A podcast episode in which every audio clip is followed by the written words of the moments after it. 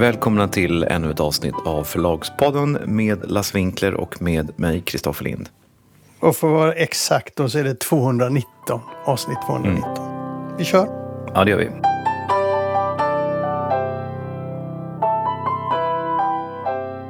Jag är väldigt nyfiken på en sak. Det, när det gäller förlagsavtal. Hur dagens förlagsavtal ser ut. För jag insåg när jag pratade med förläggare att jag egentligen inte har koll på hur dagens förlagsavtal byggs. Vilka format det gäller, vilka volymer man pratar om, hur man sätter förskott och så vidare. Jag vet hur det var förr med eh, förskottet sattes efter halva upplagan på den inbundna boken och den inbundna boken var affären. Så allting man skulle ha skulle man ha där, resten var bonus. Och så ser det inte ut idag. Nej, så ser det inte ut idag. Men vad man kan säga är att ett avtal idag, liksom ett avtal förr, är ju... Eh, man räknar ju på att det ska vara en affär. Alltså man, det får inte vara en, bör inte vara en förlustaffär för förlaget. Men eh, istället för att titta på den fysiska upplagan som ju oftast är väldigt låg och ibland kanske inte ens förekommer så är det ju då ljudboksformatet som kanske är desto viktigare. Man försöker ju räkna på helheten. Nu räknar man ju inte liksom på varje avtal utan det går ju utifrån någon slags princip också. Hur då? Nej, men eh, det finns väl någon slags praxis för vad man betalar en debutant i förskott och det är inte så att man sitter och räknar, är det här en stark debutant eller en svag debutant? Utan man lägger någonting som man tycker är rimligt. Eh, det gäller ju även royalty. Det kan ju hända att det, liksom, det, blir budgivning eller att det finns andra intressenter. Då kanske man går upp lite grann. Och då kan det hända att man går upp mer än vad man egentligen borde. Men man gör det för att man vill så gärna ha boken. Mm. Och då kan man ju hamna för högt. Så det är ju inte alltid så att man sitter och räknar. Liksom. För det är ju väldigt svårt att veta. Och det var ju en konstig sak med de gamla avtalen. Att man långt, långt, långt innan boken skulle komma ut så skulle man betala då hälften av den tryckta upplagan som ju bara var liksom ett antagande att det skulle vara 3000 ex. Hur ser grundtankarna ut idag när du slutar ett avtal? Nej, men det beror ju på. Om det är en författare som du har gett ut tidigare och som kanske skriver i en serie, då vet du ju ganska väl liksom, att det den säljer sig och så mycket i de här formaten och de, de, här pengarna kommer in och då kan man ju anpassa det, alltså avtalet efter det. Det vill säga att man har ett förskott som är rimligt givet försäljningen. Men det kan ju vara svårt om det är en ny författare eller om det är en debutant. Men hur, hur gör man med royalty och sånt då? Hur tänker man runt det? Jo, men eh, med royalty så det är ju samma sak som med förskott skulle jag säga. Det finns ändå, även om det inte finns några standardavtal idag, det finns ändå liksom eh, avtalsnivåer som är ganska mm, praxis och som är liksom rimliga. Det är liksom lägre förstås för en debutant och det är högre för den som säljer bra. Det är ju väldigt vanligt att man höjer royaltyn, kanske på bok två om det går bra. Man höjer förskottet naturligtvis. Det kan ju också vara så att man måste sänka förskottet. Man har kommit in för högt. Men du kan också justera uppåt en royalty under pågående försäljning av en bok. Om det är väldigt uppenbart så att den säljer mycket mer än du har förväntat dig. Om det har blivit en för stor skillnad mellan vad man har betalat och vad som är kanske skäligt givet eh, den framgång som man inte förutsåg vid avtals avtalets ingång så att säga, så kan man ju göra det. Det har faktiskt hänt, vi har faktiskt gjort det. Men eh, det är inte så vanligt. I det här nya DSM-direktivet så finns ju den här skrivelsen om rätt till skälig ersättning. Ja. Den är väl just ute efter det. Hur, hur ser det ut med saker som eh, tidslängder och sånt numera? Förr så fanns det ju inga spärrar på det mer än hade du boken i, i eh, lager, säg 50x, så hade du rättigheten. Och så ser det inte ut ja, idag. Ja, exakt. Nej, men det var det där. Man hade ju, jag tror att skrivel, skrivelsen var så länge utgivning pågår så hade förlaget rättigheterna. Och det där innebar ju att man kunde ha rättigheter på väldigt, väldigt gamla grejer om man fortfarande hade dem i lager. Och det, ibland så begränsade man den där genom att säga att det måste finnas minst 500 x eller 300 x eller 100 x i lager så att förlaget inte skulle kunna sitta på rättigheterna i all evighet. Mm. Jag tror det var något fall, uppmärksammat rättsfall för några år sedan. Det var ett läromedelsförlag som hade haft en bok liksom till försäljning i 30 år och författaren ville ha tillbaka den. Men man hävdade då att uthyrning fortfarande pågick. Nej, men det där har ju förändrat sig eftersom den fysiska boken, som ju tidigare då stod för hela intäkten i stort sett, idag står för en liten del av intäkten och kanske ingen intäkt alls. Och även om den står för en stor intäkt så är den tidsmässigt väldigt begränsad men om det kommer en, en, ny bok så kommer den att sälja bra inbundet, om den säljer inbundet första halvåret och sen så är den död, den kanske går på rea och sen så kommer pocket. Men det, är liksom, det finns ingen direkt backlist-försäljning förutom i pocket, men det är en ganska låg nivå. Så förr i tiden så spelade det liksom ingen roll om, om avtalet löpte på liksom fem år eller sju år. Men idag så har ju det blivit mycket viktigare. Så att det där är ju någonting som förlagen gärna vill ha långa tider. Men sju år är, upplever jag det nya normala. Vad händer efter sju år då? Om boken fortfarande säljer digitalt till exempel? Nej, men då, antingen så, så eh, kan det vara ett avtal som löper på eller så får man förhandla om. De utländska agenterna är ju väldigt bra på att bevaka det här och brukar ju då vilja förhandla om. Det leder ganska ofta till att vi faktiskt inte förlänger avtalet för de vill ha då ett nytt förskott som kanske är i linje med vad de tidigare hade fått. Och då går det liksom inte att räkna ihop för att den säljer visserligen men på en väldigt låg nivå. Det är lite olika det där men man måste ju eftersom backlistförsäljningen i de digitala kanalerna har blivit så hög så måste man när man räknar på en bok så måste man liksom se intäkterna över flera år och då kan de där sista åren vara väldigt viktiga. Förr i tiden så var backlistförsäljningen låg.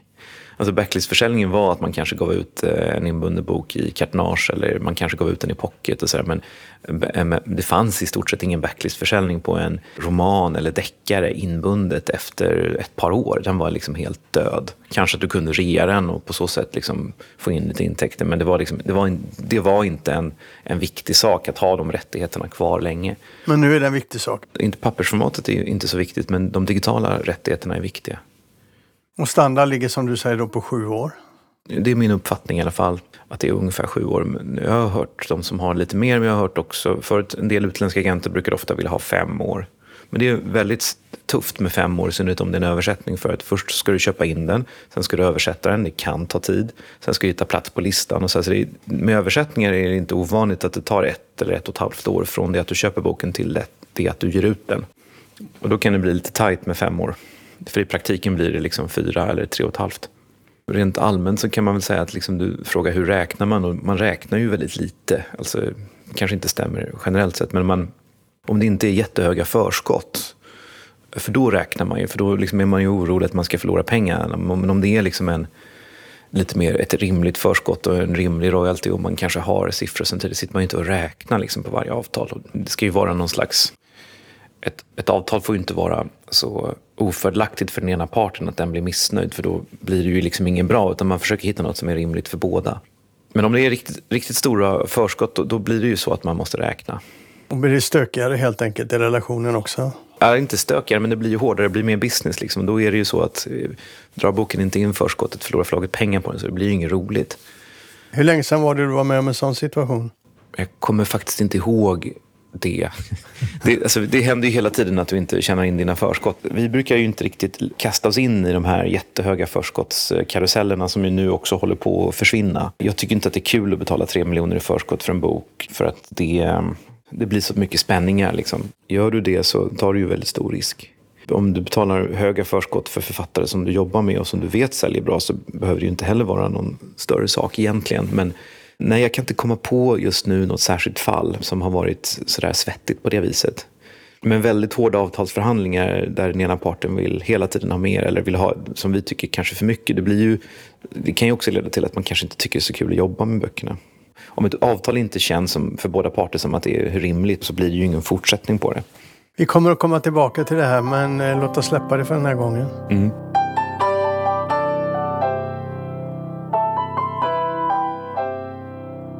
Du, såg du att eh, Svensk Bokhandel signalerar att de lägger ner papperstidningen nu? Ja, jag såg det. Har du funderat? Alltså vad de gör är så här. Det var chefredaktören eh, Johan Sandblom som på SVB sa det att nu kommer inga fler papperstidningar mer än de tre katalogerna, våren, sommaren, höstens böcker. Plus en pappersutgåva i samband med bokmässan. I övrigt så är vi digitala. Vad tänkte du när du läste det? Jag tänkte inte så mycket.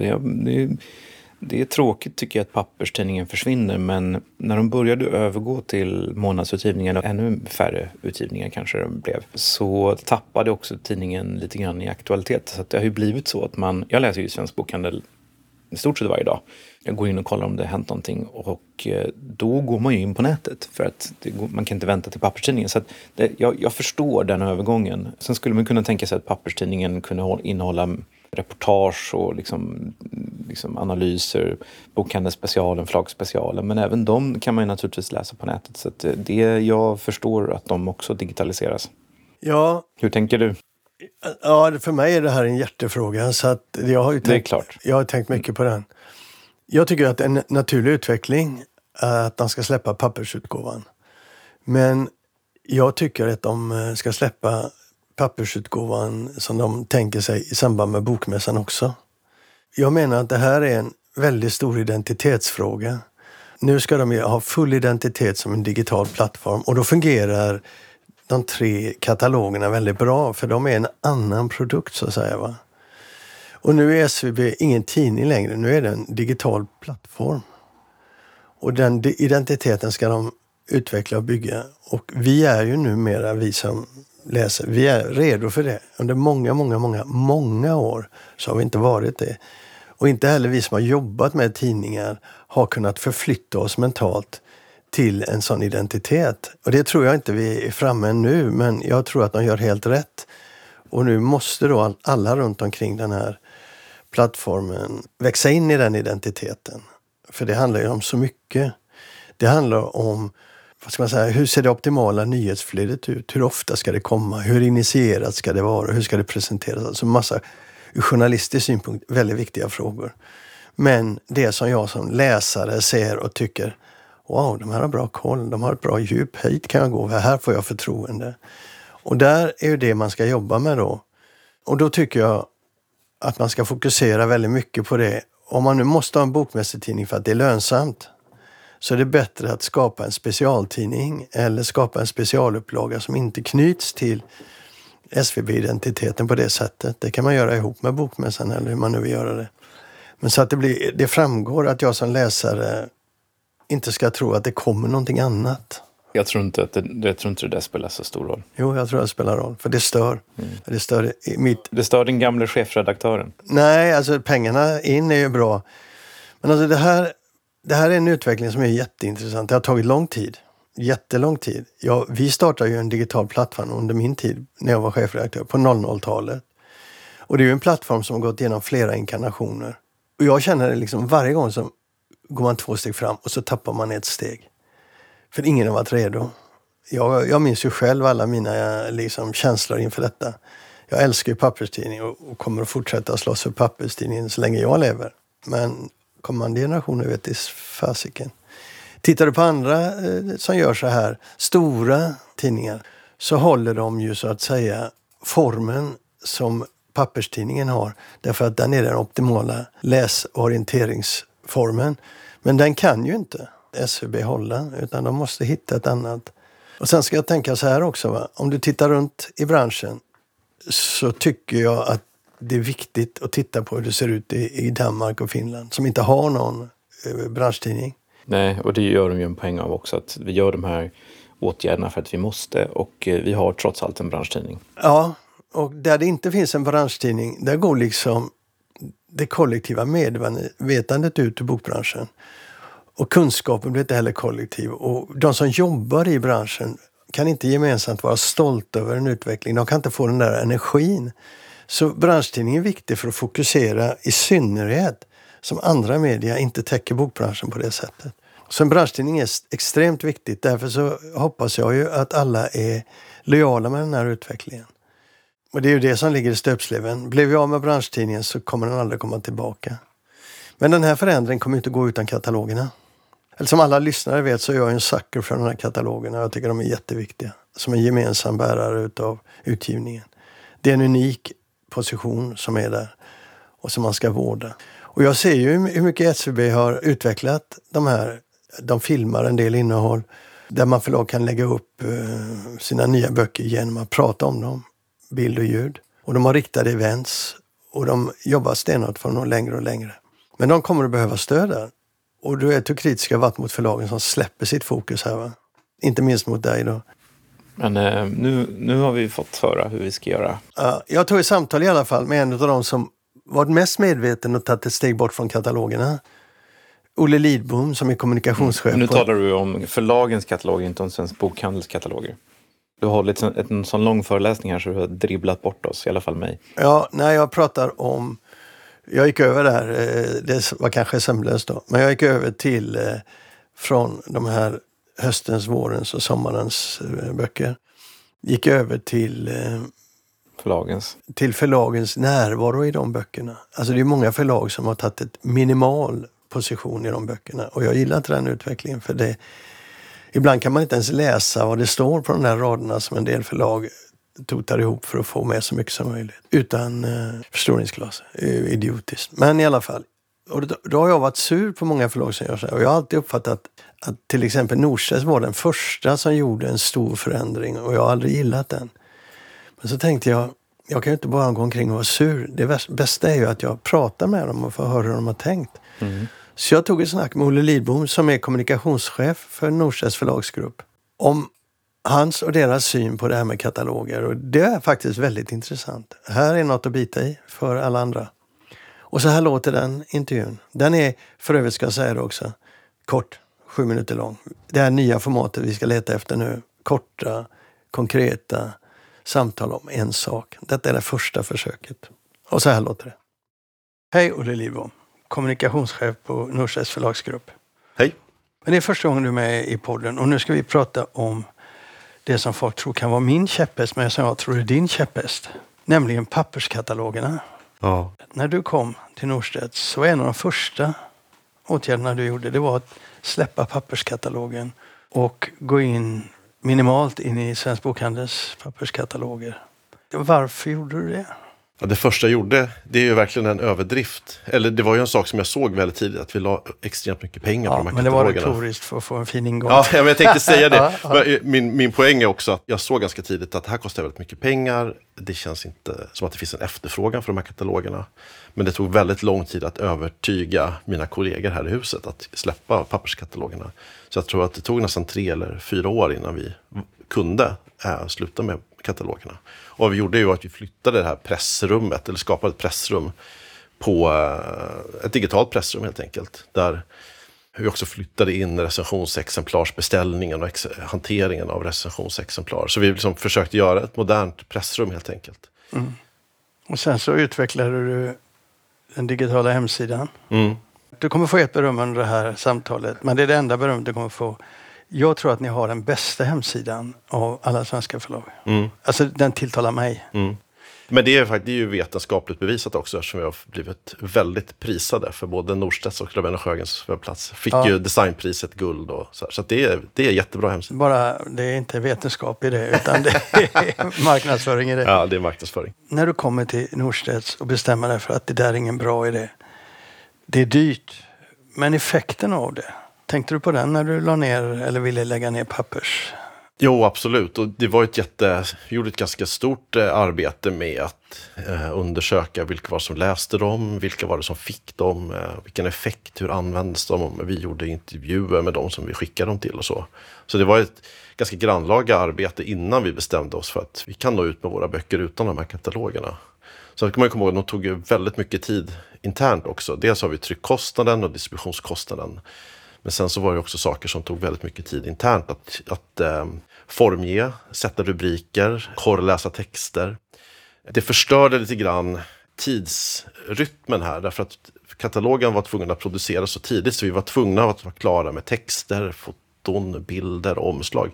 Lite för tidigt för min smak också. Så att det liksom, förlaget blev alldeles för tungrott på grund av katalogen. Så det var ju också ett argument att kunna släppa det, kunna jobba lite mer som konsumenten vill ha boken. Man vill ju veta vad som är på gång snart och inte liksom Men ett hur- halvår framåt. Om du då tittar på det ni åstadkom, vad har det fått för effekt? Därför där kan ni ju se hur många som öppnar, antar jag, och läser texter och ni hör också vad mottagarna säger. Alltså det vi mäter på mest är ju recensionsexemplar. Det beställs väldigt mycket recensionsexemplar. Det bokas väldigt mycket intervjuer efter att vi skickar ut våra digitala kataloger då, som vi kallar dem, som vi gör tre gånger om året. Så vi, vi får ju fortfarande en fin effekt på det. Nu är det ju inte riktigt kataloger i den bemärkelsen, för jag har varit inne och tittat. Press får alltså en, egentligen får du upp en plattform där du kan också sortera lite olika utgivningslinjer. Men sen ligger det bara så att säga bilder. Ja, vi gör ju utskick tre gånger om året. Och då skickar vi ju liksom, precis som vi gjorde med en papperskatalog. Alltså vi, nästa vecka så skickar vi här är sommarens alla nya böcker. Och så skickar vi ut den digitalt, då, ett nyhetsbrev. Där man kan klicka sig vidare och beställa recensionsexemplar. Du har liksom all grundfakta om vår utgivning. Och den riktas till pressen. Den är bara för press, ja. Men en annan målgrupp är ju bibliotek. Mm. Hur når ni dem? Där jobbar ju vi med vår säljorganisation, ut och träffa dem. Så man måste komma ihåg att det är ganska få bibliotek idag, precis som återförsäljare, eh, som gör sina egna inköp. Det, det mesta är ju väldigt centralt styrt. Så att eh, det är inte som det var tidigare kanske, att eh, du på ett bibliotek eller i bokhandeln hade, då kunde du bestämma mycket mer än vad du kan idag. Så att det är såklart, det var trevligt med katalogen. Du kunde liksom orientera dig och veta vad just Norstedts hade planerat att ge ut. Men eh, effekten blev väldigt liten. Och sen då den tredje målgruppen, bokälskarna.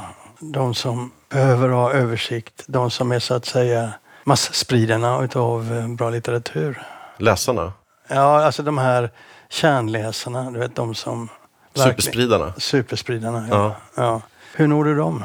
De har vi aldrig haft som en målgrupp för våra kataloger. Utan eh, de når vi ju med vår webbplats, våra nyhetsbrev, våra sociala medier. Allt det här liksom eventarbetet som vi gör i Sverige. Vi har en jättestor turné som heter Läslustturnén till exempel. Där vi är ute och presenterar vår barn och ungdomsutgivning, framförallt mellanstadieåldrar, i hela Sverige. Eh, Hur då? hu- hur Var slår ni ner någonstans då? Vi gör eh, mellan 8 och 10 besök varje år. Vi har eh, 15 platser som vi rullar runt på. Det är runt om i hela Sverige, från Umeå till, till Malmö. Och Och då vänder ni mot? det är skola och bibliotek, framförallt mellanstadieåldern. Och då samlar ni dem på ett bibliotek eller en Ja, typiskt sett om vi åker till Jönköping så har vi ett samarbete med det lokala biblioteket och där så ser vi till att bjuda in bibliotekarier, skolbibliotekarier, lärare, alla de som jobbar med läsning i, skolan och med svenska. Och så har vi våra författare på plats, vi har våra förläggare på plats. Vi presenterar vår utgivning, författarna får berätta, lärarna får också möjlighet att förutom ta en macka och en kaffe få ställa frågor till till eh, författarna och kanske också till en förläggare. Hur tänker ni? Hur arbetar ni? Och, så. och där är ju ett jätteuppskattat möte med superspridarna. För de är ju väldigt viktiga för vår barn och ungdomsutgivning. Sen har vi den sista grejen då. Närvaron, eller nästan den totala frånvaron i Svensk Bokhandels kataloger. Då. Hur tänker du runt det? Den ger ju väldigt lite för oss. Jag vet att ditt argument, jag tycker det är ett jättebra argument. Alltså, det är viktigt att det finns en samlad bild av vad, svensk, eh, vad svenska förlag ger ut och att den har ett jättehögt värde för framförallt mindre förlag. Eh, eftersom de kanske inte har samma möjlighet att nå ut med sin utgivning som ett stort förlag har. Och därför är vi ju med, se till att liksom våra böcker ändå finns där. Men eh, det ger ju ingen effekt i vare sig försäljning eller genomslag eller mediebokningar. Nej, det ska du inte göra när ni är så små där. Jag menar, jag kan knappt läsa vad det står. Nej. Några gånger. När jag har valt typsnitt och färgsättning som har gjort att jag har suttit där med förstoringsglas och jag skojar inte. Den kan du nog se över tror jag. Men i övrigt var det intressant att höra din eh, bakgrunden till dina tankar. Tack så du ha. Tack för att jag fick vara med första gången, debut. Ja, och tack för att du ville vara med. Nog med fjäskande, nu lägger vi ner. Ja.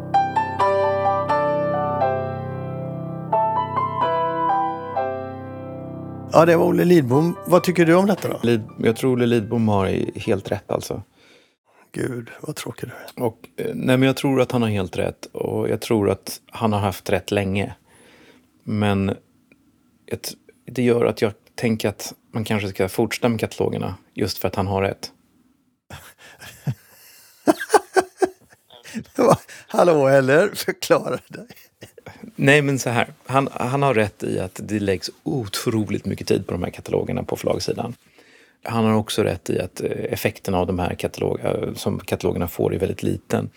Jag har då nog tänkt att eh, så länge att han har nog rätt i det, men att förlagen, eller de här katalogerna fyller idag, tror jag, en annan funktion än vad de ska fylla egentligen och vad de fyllde förut, nämligen Men vänta lite nu. Nu är det du som pratar om förlagens egna kataloger. ja, Ja, just det. Bra. Jag, så inte jag blir förvirrad. Katalogerna skulle fungera som ett marknadsföringsredskap. Man skulle skicka ut dem om man fick recensionsbeställningar och det kom förfrågningar på intervjuer. Och de användes även ibland, om än i mindre utsträckning, även när man hade kontakt med bokhandeln och så vidare.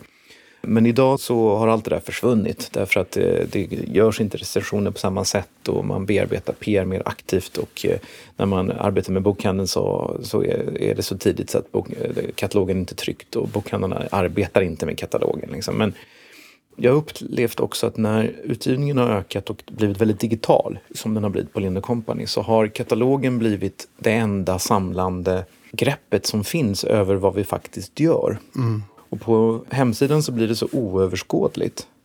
Så jag har upplevt, eller jag upplever, att vi på förlaget har en glädje av att se vad är det vi egentligen har presterat. Yippee! Ja, men, eh, så, men det, det så var inte tanken att katalogerna skulle fungera. Men jag upplever att det är så det har blivit. Och eh, jag eh, upplever, upprepar mig här väldigt mycket, men att mina kollegor är ganska engagerade i den här katalogen. Och även att författarna är det. Man ser ofta att författarna lägger upp bilder på Facebook och Instagram och sådär. Det är möjligt att det är här som värdet ligger. Alltså att det är en slags internt värde. Att det, är liksom en, det är en slags, det här har vi gjort, det här är vi stolta över. Och det spelar ingen roll om det här hjälper till att sälja, men det här är liksom vad vi har gjort. Jag tror att värdet är mycket större än så, men det kan vi ta en annan gång. Jag, jag nöjer mig med smulorna som ramlar ner från bordet nu. Mm. Jag är bara jätteglad. Och sen har jag en annan, men jag är fortfarande inne på att Olle Lidbom har rätt. Men sen har jag en annan eh, tanke också. Och det är att när Norstedts nu har lagt ner sina kataloger. Om Bonnier då också lägger ner sina kataloger, då ska vi ju självklart fortsätta. För då blir det ju ett stort värde i att göra någonting som ingen annan gör. Ungefär som, att, nej men ungefär som att man blir glad när man får en fysisk inbjudan till en fest på posten. Ja, du kan bli den analoga kungen av Sverige bok, Ja. bokbransch. Bra Kristoffer! Äntligen var vi överens i slutändan. Mm.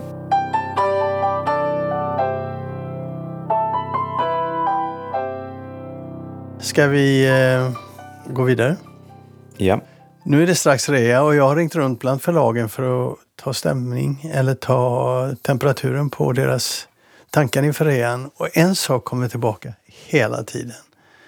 Och det är missnöjet med att rean är för lång. Den breder ut sig över för stor del utav utgivningsåret. Mm.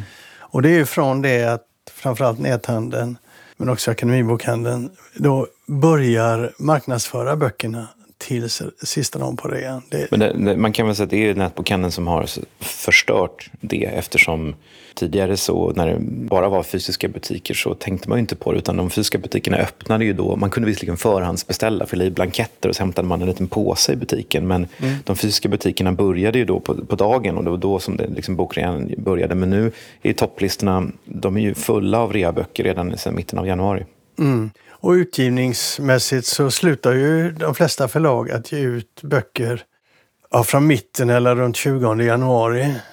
Sen kommer det inga böcker riktade till allmänheten så att säga. Det kommer inte igång förrän mitten, slutet av mars igen. Och det blir för långa uppehåll. Det blir för eh, statiskt för förlagen. Det är väldigt många förlag som tycker att man måste hitta något annat sätt att ha rea på än som det är nu. Hur reagerar du på det? Nej, men jag har ju varit liksom inte så entusiastiskt ren, men jag har ju ändå tyckt att om bokhandeln tycker att den är viktig och en stor händelse för dem, och om de fortfarande tycker att det drar in kunder till butikerna och ökar omsättningen så är det väl bra. Men nu tycker jag kanske att mitt tålamod börjar tryta för att det är så otroligt lite pengar för oss och volymerna är så små och vi får ju knappt ihop böcker till rean. Och den brer ut sig och det är klart att den äter lite på ordinarie försäljning. Så jag börjar bli mer tveksam till att man ska ha rean, faktiskt. Även om jag har respekt för att bokhandeln har en annan uppfattning och så. En annan ekonomi. Det ska bli intressant att följa den diskussionen för jag antar att det kommer att bli en debatt efteråt. Just hur lång rean är, att hitta ett annat sätt. För mig skulle det vara rätt enkelt. Man gör gör som man gjorde förr. Man har en startdag och en stoppdag. Och så får alla rätta sig efter det. Ja, men jag tror nog fortfarande att man har en startdag och en stoppdag. Men i, i och med att du kan förhandsbeställa på nätet så blir det ju ändå så att böckerna går att förhandsbeställa och hamnar då på topplistorna. Och det pågår en slags försäljning även om inga fysiska böcker skeppas. Och intresset för nya böcker blir då mycket sämre. Och det är ju därför som förlagen Ja. inte ger ut böcker under den här perioden. Ja, vi lär få återkomma till det då.